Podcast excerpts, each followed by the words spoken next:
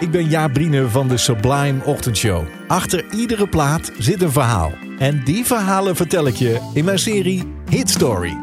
Vandaag vertel ik je het verhaal achter Try a Little Tenderness van Otis Redding. Sublime Ochtendshow. Hit Story. Verhalen achter de muziek. Hij heeft al zo vaak nee gezegd. Maar omdat echt iedereen om hem heen zegt dat hij het eens moet proberen... is hij dan uiteindelijk gezwicht. Hij vindt het eigenlijk een suf nummer. Maar oké dan, om jullie een plezier te doen... Op dinsdag 13 september 1966 staat Otis Redding klaar achter zijn microfoon. Hij is in Memphis, in de studio van Stax, zijn platenlabel... met om hem heen de allerbeste muzikanten die ze daar in huis hebben. Booker T en zijn MG's, de Memphis Horns. Isaac Hayes zit achter de piano, die is net 24 jaar geworden. En hij werkt bij Stax als producer en muzikant. En de grote ster zelf achter de microfoon. Stax, dat is op dit moment Otis Redding. Met afstand de meest succesvolle artiest daar in het huis. Dus alleen het beste van het beste aan muzikanten voor hem is goed genoeg.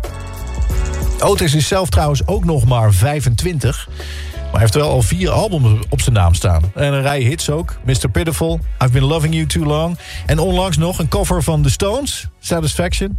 Maar Otis is bezig om de crossover te maken. Zijn publiek begint steeds diverser te worden. Hij wordt een beetje mainstream. En Otis begint dan ook standards op te nemen. Liedjes uit The American Songbook. Liedjes die iedereen kent. Zoals ook dit nummer dat vandaag op het programma staat. Dat nummer is dan al ruim 30 jaar oud. Een liedje over hoe je als man een relatie weer tot leven brengt... als je merkt dat ze steeds dezelfde jurk aan heeft.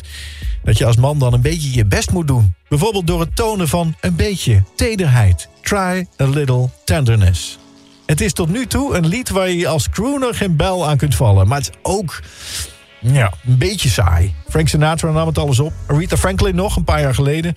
Maar Otis vindt eigenlijk allemaal maar niks. Maar zijn manager denkt dat het wel eens een goede tranentrekker kan zijn... voor bij zijn nieuwe publiek, want die houden daarvan.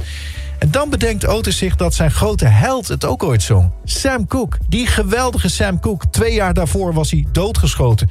Otis was daar nog steeds verdrietig over. Nou, vooruit dan. Als Sam het zong, dan wil ik het ook wel proberen. En dus gaat Otis akkoord. Hij gaat Try a Little Tenderness ook opnemen. Een beetje als eerbetoon aan zijn held... maar vooral toch ook om van het gezeur af te zijn. Samen met zijn producer Isaac Hayes maakt hij een nieuw arrangement... met nou ja, wat meer dynamiek. En Otis is van plan om het flink overdreven te gaan zingen. Met grote uithalen en veel te veel emotie. En dan zal de platenmaatschappij het uiteindelijk afkeuren... en dan zal het liedje uiteindelijk alsnog de prullenbak in gaan. Maar zo loopt het niet. Het wordt een groot succes. Maar dat weet Otis nog niet. Als hij op die dinsdag in 1966 met frisse tegenzin... een teken geeft aan de blazers van de band.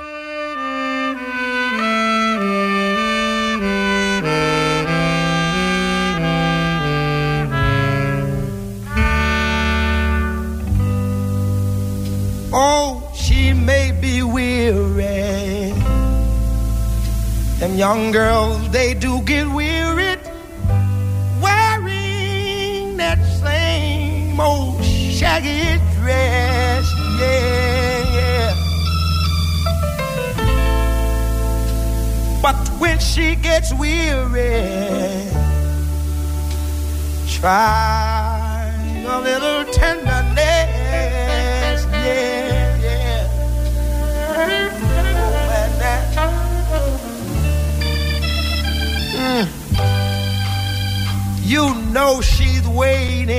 Waiting, just anticipating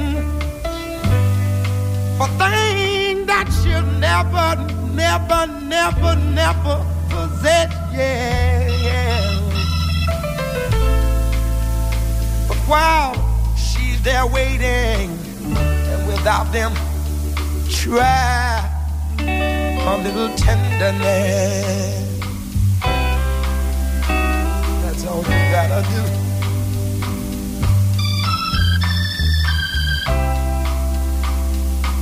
It's not just sentimental, no, no, no. She has her grief and care, yeah, yeah, yeah. But the soft words, all spoke so gentle, yeah. It makes it easier